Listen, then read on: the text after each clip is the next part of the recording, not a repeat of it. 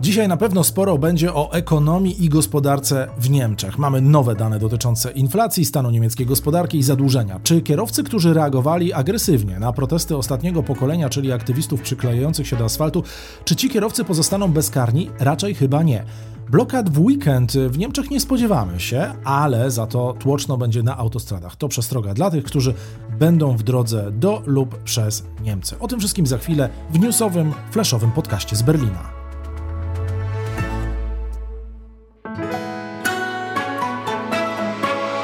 Plus 49 News.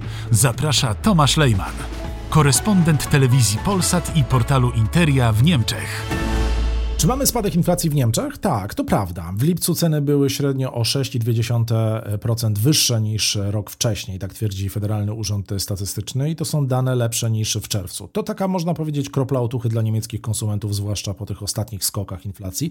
Ale od miesięcy wysoka inflacja jednak to duże obciążenie dla niemieckich konsumentów, bo coraz mniej można kupić za 1 euro.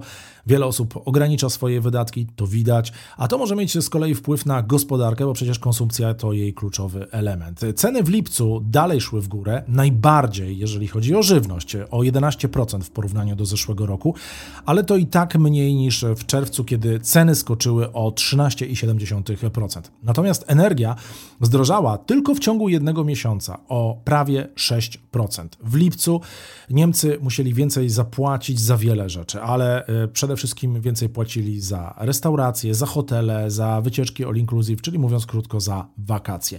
W nadchodzących miesiącach większość analityków spodziewa się już większego spokoju w kwestii cen i tutaj zakłada się, że niemiecka stopa inflacji spadnie do około 3% pod koniec roku. A do tego powinien przyczynić się Europejski Bank Centralny, który dziewiąty raz z rzędu podniósł wczoraj stopy procentowe do najwyższego poziomu od roku 2000.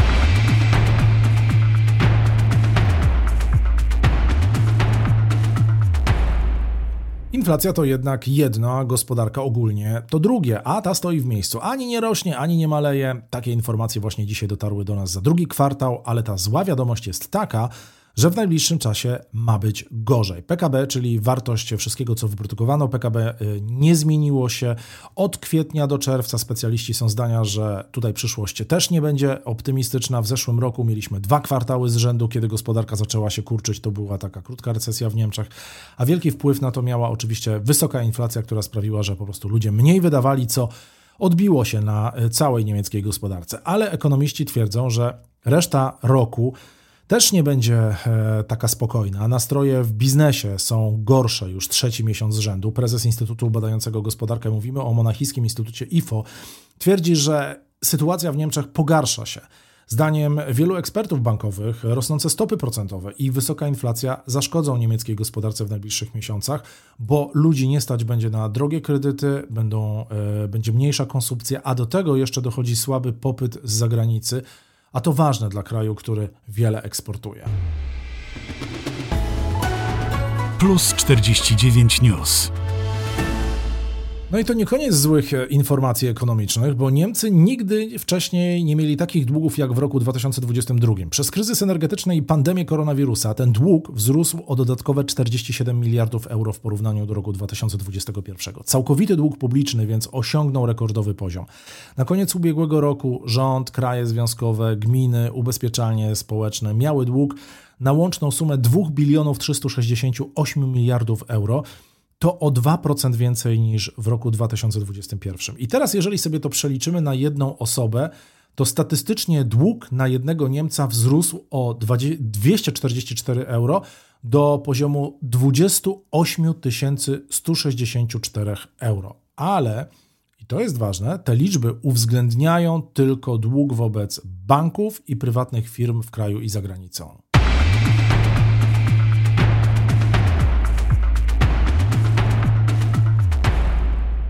Wracam sobie do sprawy ostatniego pokolenia, bo konflikty na ulicach Berlina między kierowcami a protestującymi z tej grupy są coraz częstsze, a wielu kierowców reaguje coraz bardziej agresywnie na blokady drogowe, które organizuje ta grupa. Filmy zresztą z incydentów krążą po internecie.